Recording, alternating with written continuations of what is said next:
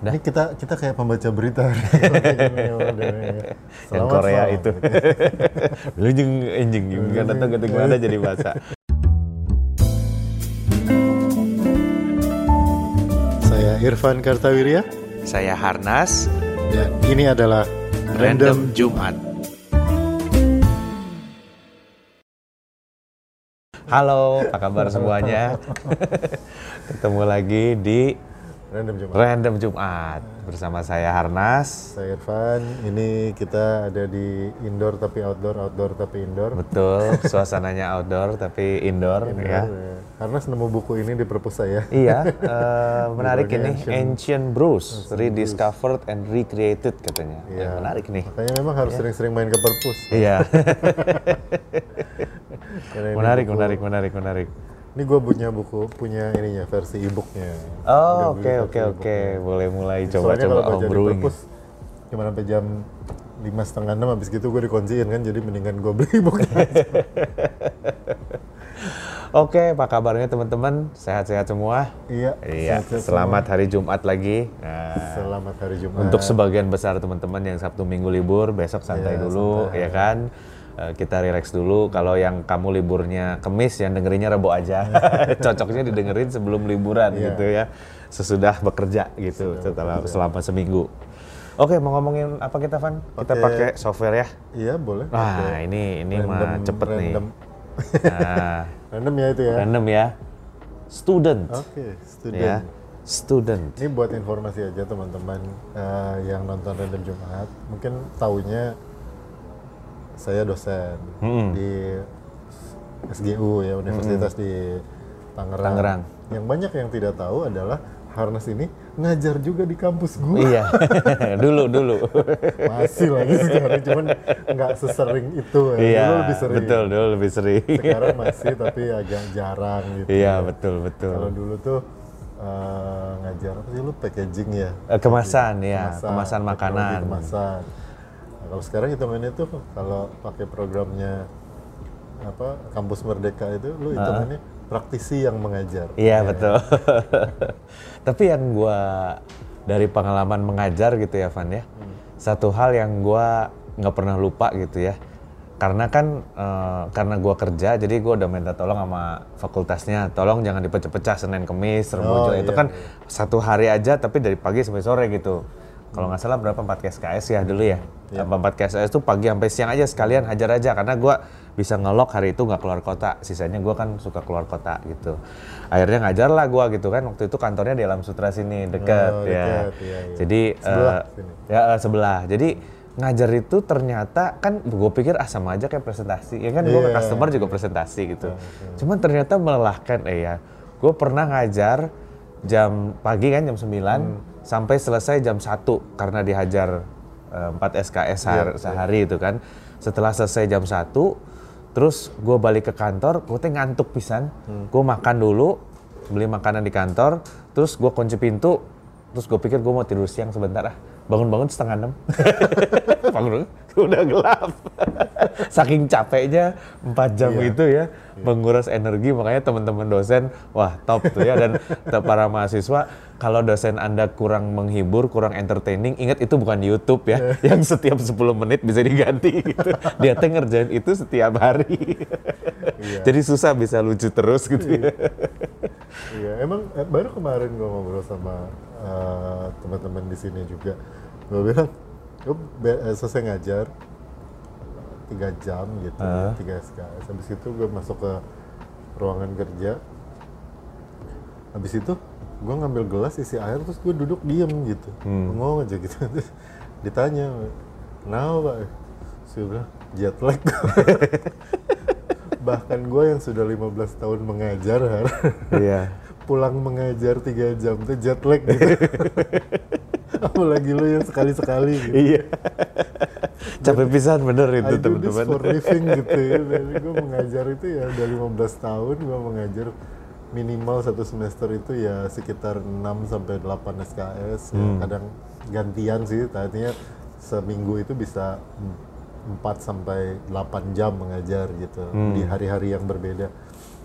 Itu aja tiap kali habis ngajar itu jet lag gitu, bengong gue, ngeblank Hmm. pasti.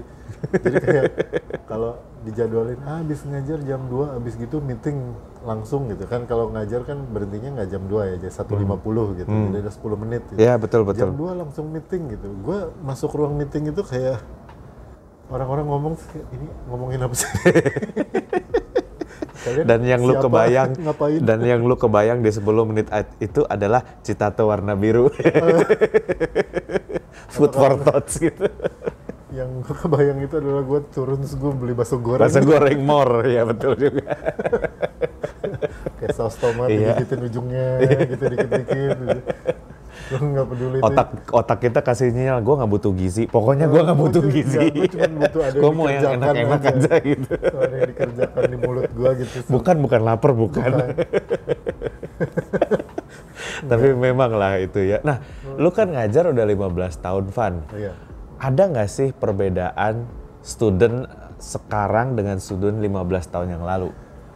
ada Ah, selain dari nama ya Nah, namanya, namanya berubah ya? sesuai dengan tren soalnya Iya. maksudnya. tapi enggak ding student gue namanya eh, pergeserannya tidak terlalu jauh sih dari 15 tahun yang lalu itu Hmm. mulai kayaknya nama-nama seperti eh, apa eh, Joshua eh, William Iya.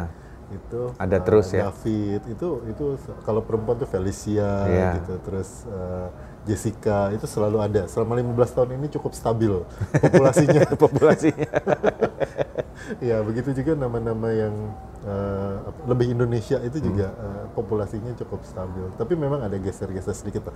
mulai mulai suka eh, di beberapa tahun terakhir ini mulai ada eh, nama-nama yang eh, trennya adalah nama seolah-olah seperti nama depan tapi berjejer dua atau berjejer tiga gitu kayak seperti misalnya kalau lo kan Hari Nazarudin dan pasti itu harinya nama depan Nazarudin Iya. nama belakang gitu kalau ini kayak eh, Dea Nova gitu. Ya, atau eh, apa eh, William Hari Nazarudin Oh. William sama Harinya kan sama-sama nama depan gitu kayak gitu itu mulai lebih sering muncul. Ah. itu perubahan yang terasa dalam 15 tahun. Karena apa? Karena urusan salah satu urusan dosen adalah ngabsen. Iya. Jadi jadi kita namanya merhatiin nama satu Eh, yang paling beda itu apa ya? Eh, di cara mereka melihat pelajaran itu beda. Ada pergeseran lumayan gitu kalau menurut gua. Maksudnya cara melihat gimana? jadi kalau kalau dulu mah ya gitu ya. Eh, dulu tuh maksudnya 15 tahunan yang lalu gitu. Itu eh, 2005 2006 2006 2007 itu eh, mahasiswa itu datang tuh dia melihat pelajaran itu sebagai sesuatu yang dia pengen tahu. Oke. jadi eh, kalau kita terlalu banyak bercanda gitu ya, itu banyak yang bete. Kalau paling nggak di kelas gua itu banyak Hmm. yang bete gitu kayak, ah, udah lah udah jangan bercanda, udah ayo buat- mau ngasih tahu apa sih gitu. Iya. Ah sini gimana cara ngedesain tablet mesin tablet compression gimana? Ya udah gini Iya. gitu kasih tahu lah ini rumusnya yang mana, pakai persamaan yang mana, modelnya yang mana, variabel yang mana, udah kita kerjain gitu. Hmm.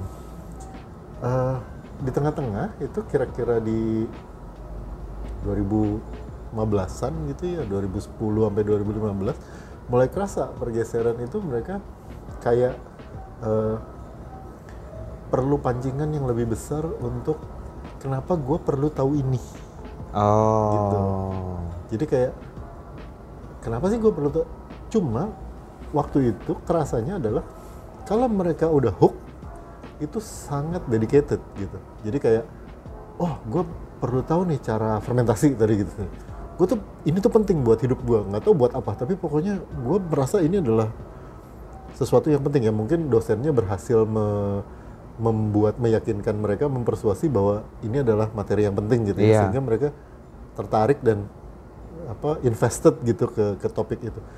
Itu gila-gilaan ngubernya jadi kayak semua buku dibaca semua Oh. bahan di explore gitu. Jadi tapi di sisi lain kalau enggak ya ngeblank aja gitu. Jadi kayak misalnya gue tertarik banget nih sama fermentasi gitu. Tapi termodinamika kayaknya enggak lah gitu. Udah termodinamika tuh ya dalam tanda kutip asal lulus saja gitu. Tapi yang yang fermentasi dia bisa ya kasar-kasarnya mah bisa nginep di lab gitu. Hmm. tuh anak itu di sekarang terutama di pandemi ini gue belum nemu polanya. Tapi yang jelas tidak yang dua itu gitu. Jadi dipancing pakai ini enggak gitu. Ada karakter-karakter gitu tapi ada juga yang kayak tadi bahwa invested gitu. Kalau udah hook gitu kena ada tapi banyak juga yang lepas gitu. Jadi Hmm. eh, di post pandemi ini memang rada belum ketangkep gitu. Tapi yang jelas bergeser dari dua itu. Gitu. itu geser banget gitu kerasa. Eh, attention span orang bilang kan nanti attention attention span-nya eh, memendek gitu iya sih kerasa sih ada gitu. Kalau dulu kayaknya yang gue pertama kali ngajar sama kayak lo kan gue masih di pabrik dulu. Iya. gue ngajar pabrik gue di Cibubur. Ngajar di BSD, BSD. jadi gue melewati tiga provinsi. Iya. empat ko- lima kota di tiga provinsi. Cibubur eh, Cibubur Bogor Kabupaten Bogor Cibubur Jakarta Timur Jakarta Selatan Tangerang Selatan nah itu pokoknya lima kota lah gue inget itu lima kota di tiga provinsi gitu ya Jawa Barat DKI dan Banten. Empat jam digeber gitu. Tiga jam masih masih nyala. Tiga jam pelajaran ya kalau tiga jam pelajaran kan berarti eh, berapa? 150 menit ya? Iya. itu masih masih masih jalan tuh. Di jam keempat baru mulai rada eh, ngawang. Sama guanya juga soalnya. Gue udah, itu udah banyak cerita cerita deh tuh. Udah banyak ngobrol-ngobrol ngalor ngidulnya. Em, terus kemudian memendek sih memang kayak sejam berhenti sejam berhenti gitu. Nah di sekarang eh gue nggak tahu ngukurnya rada susah. Gue kemarin ngajar tiga jam gebet gitu kenceng sih. Maksudnya anak-anak ya tetap follow up gitu ya tetap ngikutin gitu. Eh, tapi ya kerasa kadang-kadang ada ada eh, sesi-sesi di mana terutama anak-anak yang semester bawah yang baru jadi anak-anak yang baru jadi mahasiswa. Kalau yang udah senior senior mah aman lah insya Allah. Tapi yang baru-baru ini kerasa banget sih kayak pendek banget gitu attention span-nya. Jadi bentar tuh kayak 15 menit gitu. Mereka tuh kayak udah ah mau ngebahas yang lain aja gitu Hmm. ya. Misalnya tadi bahas ancient brew gitu, fermentasi gitu. 15 menit gitu. Terus nanti 15 menit tuh 10-15 menit tuh kayak apa pengen ngomongin yang lain aja gitu. Jadi kayak Bener-bener pindah topik gitu. Ya kayak lu bilang itu kayak YouTube ya. 15, Iya. 15 menit ganti video gitu. Iya, 15 betul. Ganti video gitu. Itu kerasa sih sekarang. Ada ada perubahan yang paling gede itu. Kalau dari gaya, cara, oh, waktu itu mana ada yang bilang katanya anak anak anak pos pandemi ini sopan santunnya kurang apa segala macam. Enggak sih kalau gue mah nggak ngerasa seperti itu. Atau ya di tempat gue kalau di tempat lain mungkin berasa gitu. Iya. Nggak ngehargain dosen apa segala macam. Di gue sih kayaknya enggak. Mungkin orang nganggap nggak ngehargain dosen karena attention span pendek itu tadi. Oke, nah menurut gua attention span ini penting ya, Van ya. Eh, apakah menurut lu kita harus adjust?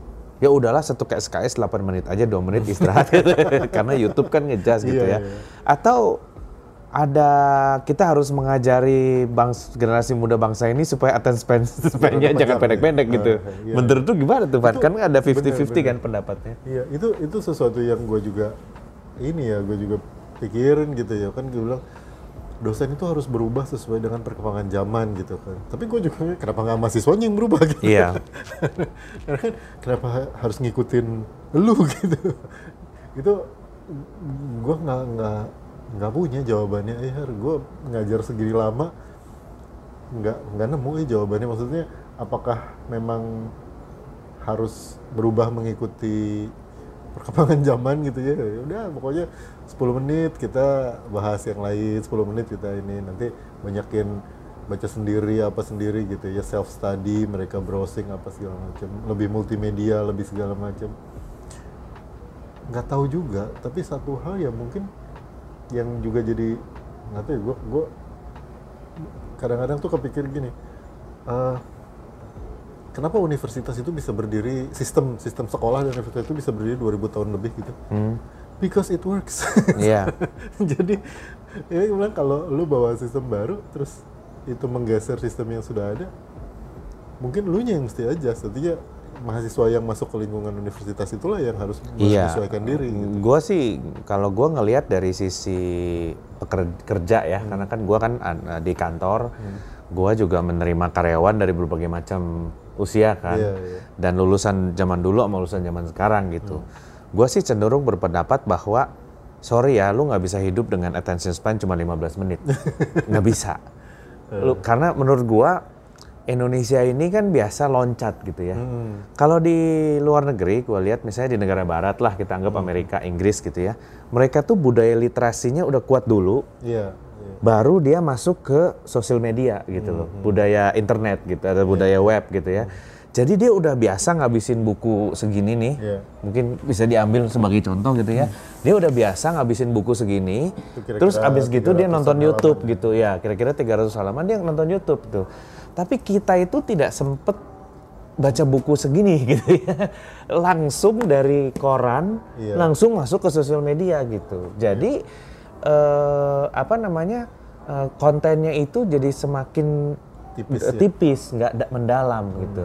Dan orang begitu mau dalam dikit, langsung dikritik apa pusing saya bacanya. Entar dulu, lu udah gede, Iya. lu mesti ya pusing-pusing, sorry gitu ya, nggak bisa nggak pusing gitu. Iya, dan jadi orangnya tuh jadi kita jadi apa ya eh, orang yang manja gitu.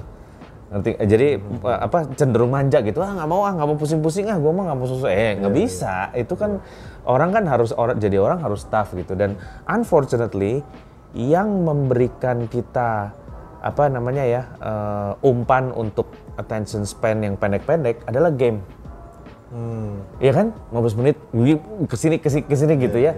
Buat kita yang attention span-nya selesai, ah, betul. selesai gitu ya. Buat kita yang attention apa attention span-nya panjang dan biasa baca buku, gua melihat main game itu sesuatu yang melelahkan karena terus-terusan gitu. Nah, itu menurut gua agak-agak bahaya loh. Ya, agak-agak Iya. bahaya. Gua gua sih dari ini ini terus terang aja teman-teman ini mah ngobrol doang ya. Hmm. Eh, beberapa eh, sekarang eh, kesenangan main game itu jadi syarat interview. Sebab gue agak meragukan orang yang sambil nunggu main game, oh ya gimana? Ada apa pak, terus main game lagi gitu. Kalau lagi interview dia begitu, gue agak-agak meragukan, waduh nih orang gitu ya. Agak trauma gue sama orang yang sering main game gitu, karena gue lihat ya itu eh, apa ya, waktu apa ya eh, dunia dia tuh di game gitu ya kecuali kalau apa usahanya itu berhubungan dengan game ya. Gua usaha usaha gue kan mesin gitu ya. Ya mesin mah nggak bisa pakai game. Lo harus bongkar gitu ya. Dan gue apa namanya eh, menghubungkan antara attention itu dengan game gitu. Jadi kalau menurut gue sih wah apa ya ya boleh aja main game bukannya nggak boleh. Tapi eh, jangan sampai addicted gitu loh. Iya, iya. Nah, addicted itu yang kena attention span. Hmm, hmm. Attention span. Untuk orang yang addicted game, ngomong sama dia 15 menit tuh gue ngelihat udah mulai dia nggak bisa konsentrasi Tidak nyaman lagi gitu gitu, ya. nggak nyaman gitu. Mulai ke sini, mulai ke sana, mulai ke sini, mulai ke sana gitu. Dan itu eh, ya mungkin ini generalisasi juga ya. Iya. Gue lihat beberapa orang yang yang begitu gitu ya. Hmm, Tapi eh, pendapat gue ya gitu. Nggak bisa kita suruh 10 menit Iya. terus gitu kan.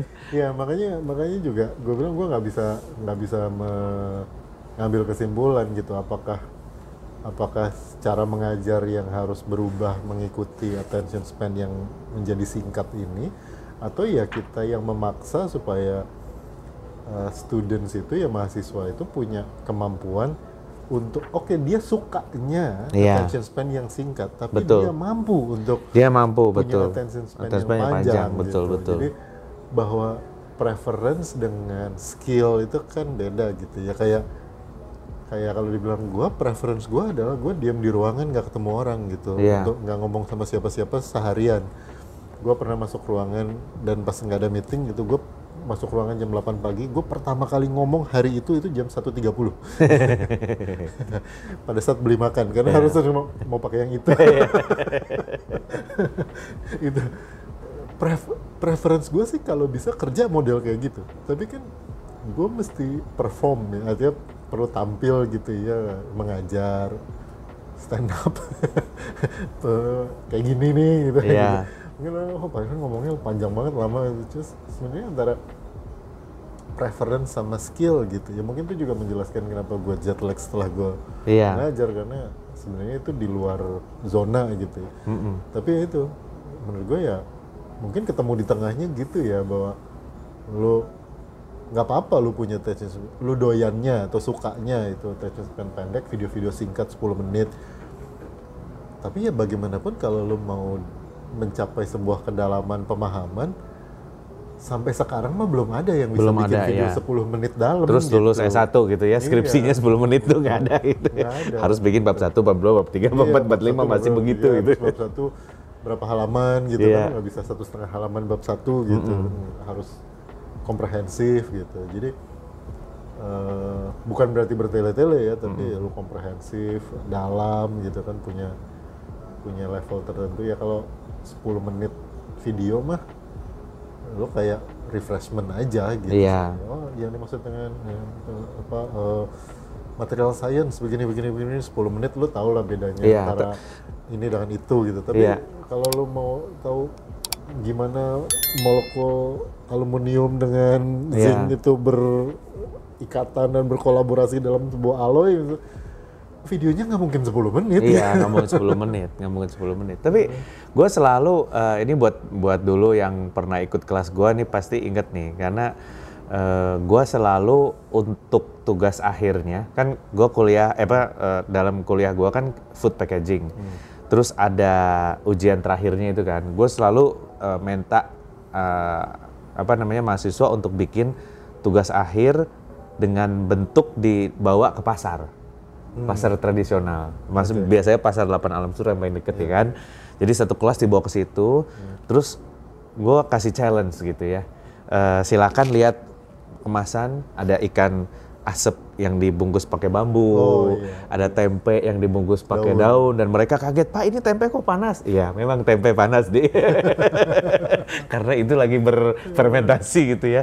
Terus ini itu itu itu saya rasanya banyak teman-teman eh, mahasiswa yang enjoy lah di bawah situ ya. Dan setiap kali selesai eh, kunjungan pasar itu, terus pilih satu makanan yang lu mau berubah packagingnya, gue selalu kasih tugas dan kasih masukan buat pasarnya. Sebab nggak rata-rata nggak ada yang pernah ke pasar. Itu yang membuat gua khawatir ma- pasar, apa, masa, masa depannya pasar tradisional. Karena anak-anak generasi muda itu taunya supermarket gitu loh. Dia nggak pernah ke pasar, yang ke pasar mamanya masih ya kan. Tapi kalau dia nggak pernah ke pasar, suatu saat kalau dia kawin dia punya anak, dia pasti ke supermarket ya kan. Betul. Apa sih masukan dia untuk pasar? Nah itu bisa dikumpulin dan dibikin buku untuk PD Pasar Jaya. Simple sebenarnya Van, yang membuat pasar tradisional itu lebih nyaman Iya. daging daging, makan makan, jangan makan soto sebelahnya tukang daging sapi gitu kan, bau, Iya. terus sirkulasi udara, drainase, ya kan, Eh, pemadam kebakaran. Kenapa sih nggak ada pemadam kebakaran? Kan nih kalau kebakaran gimana? Gedung aja bisa dibikin, masa pasar nggak bisa? Bener gitu ya. Dan gue terharu lihat masukan-masukan anak-anak ini, karena inilah yang harus dikerjakan oleh PD Pasar Jaya dan kawan-kawan dan dan nggak susah gitu. Iya, iya. Mahasiswa baru aja bisa kok memperbaiki pasar gitu. menurut, menurut gue kelebihannya mahasiswa tuh kelebihannya mahasiswa tuh adalah mereka eh, pendekatannya tuh zero base. Iya Jadi, betul. Kayak kalau kita ditanya, ya, gua lu gitu ditanya, perbaiki sesuatu atau gimana respon lu terhadap sesuatu gitu. Kita tuh sudah ter- punya terlalu banyak latar belakang. Yes. gitu. Yes. Oh kalau di Swiss begini, kalau di Cina begini. Iya, di betul, betul, betul. begini. Kalau ini gua kalau ini gua saranin begini, ntar dananya dari mana ini. Iya. Kalau mahasiswa itu punya kebebasan gitu. Mereka kan nggak punya latar belakang Iya. pengalaman dan lain-lain. Jadi kayak ini harusnya diginiin sih. ya itu kan susah, tapi bisa kan? Gitu. Iya. itu itu sih menurut gue tuh kelebihannya seorang siswa ya, apalagi mahasiswa gitu ya. Mereka punya punya itu yang yang yang Dan mereka bisa ngajarin kita kita, Iya, iya kan? mereka tuh bisa kasih Oh. Gue yakin banyak orang rapat bagaimana caranya memperbaiki pasar tradisional kita Iya. gitu.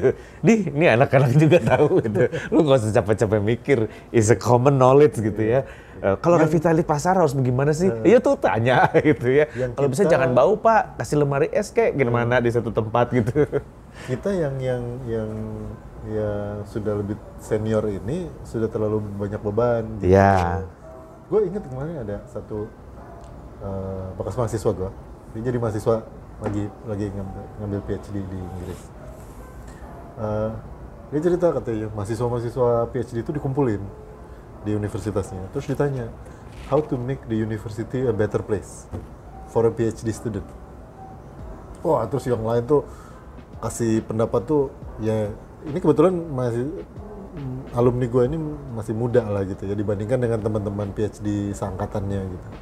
Wah, yang lain tuh kan wah meningkatkan eh, apa eh, diversitas. Jadi harus lebih banyak etnik yang diterima dan ini segala macam lah. Terus oh aksesibilitas ini itu segala macam. Udah semua ngomong gitu. Terus masih eh, mahasiswa gue ini ditanya gitu, gimana?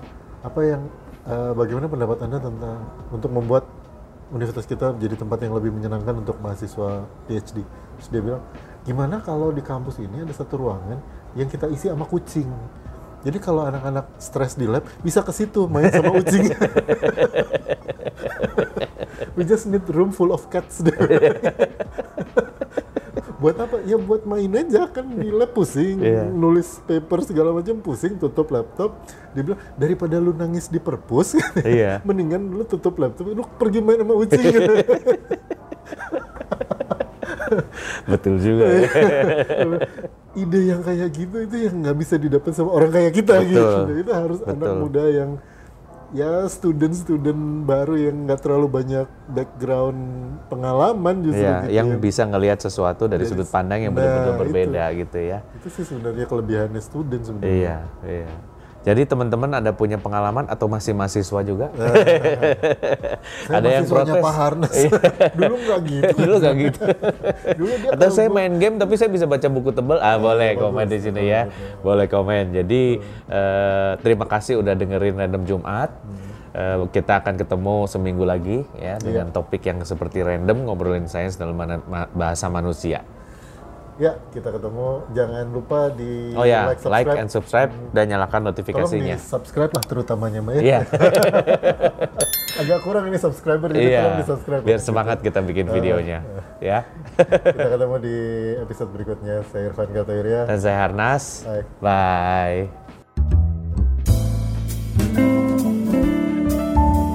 Saya Irfan Kartawirya Saya Harnas.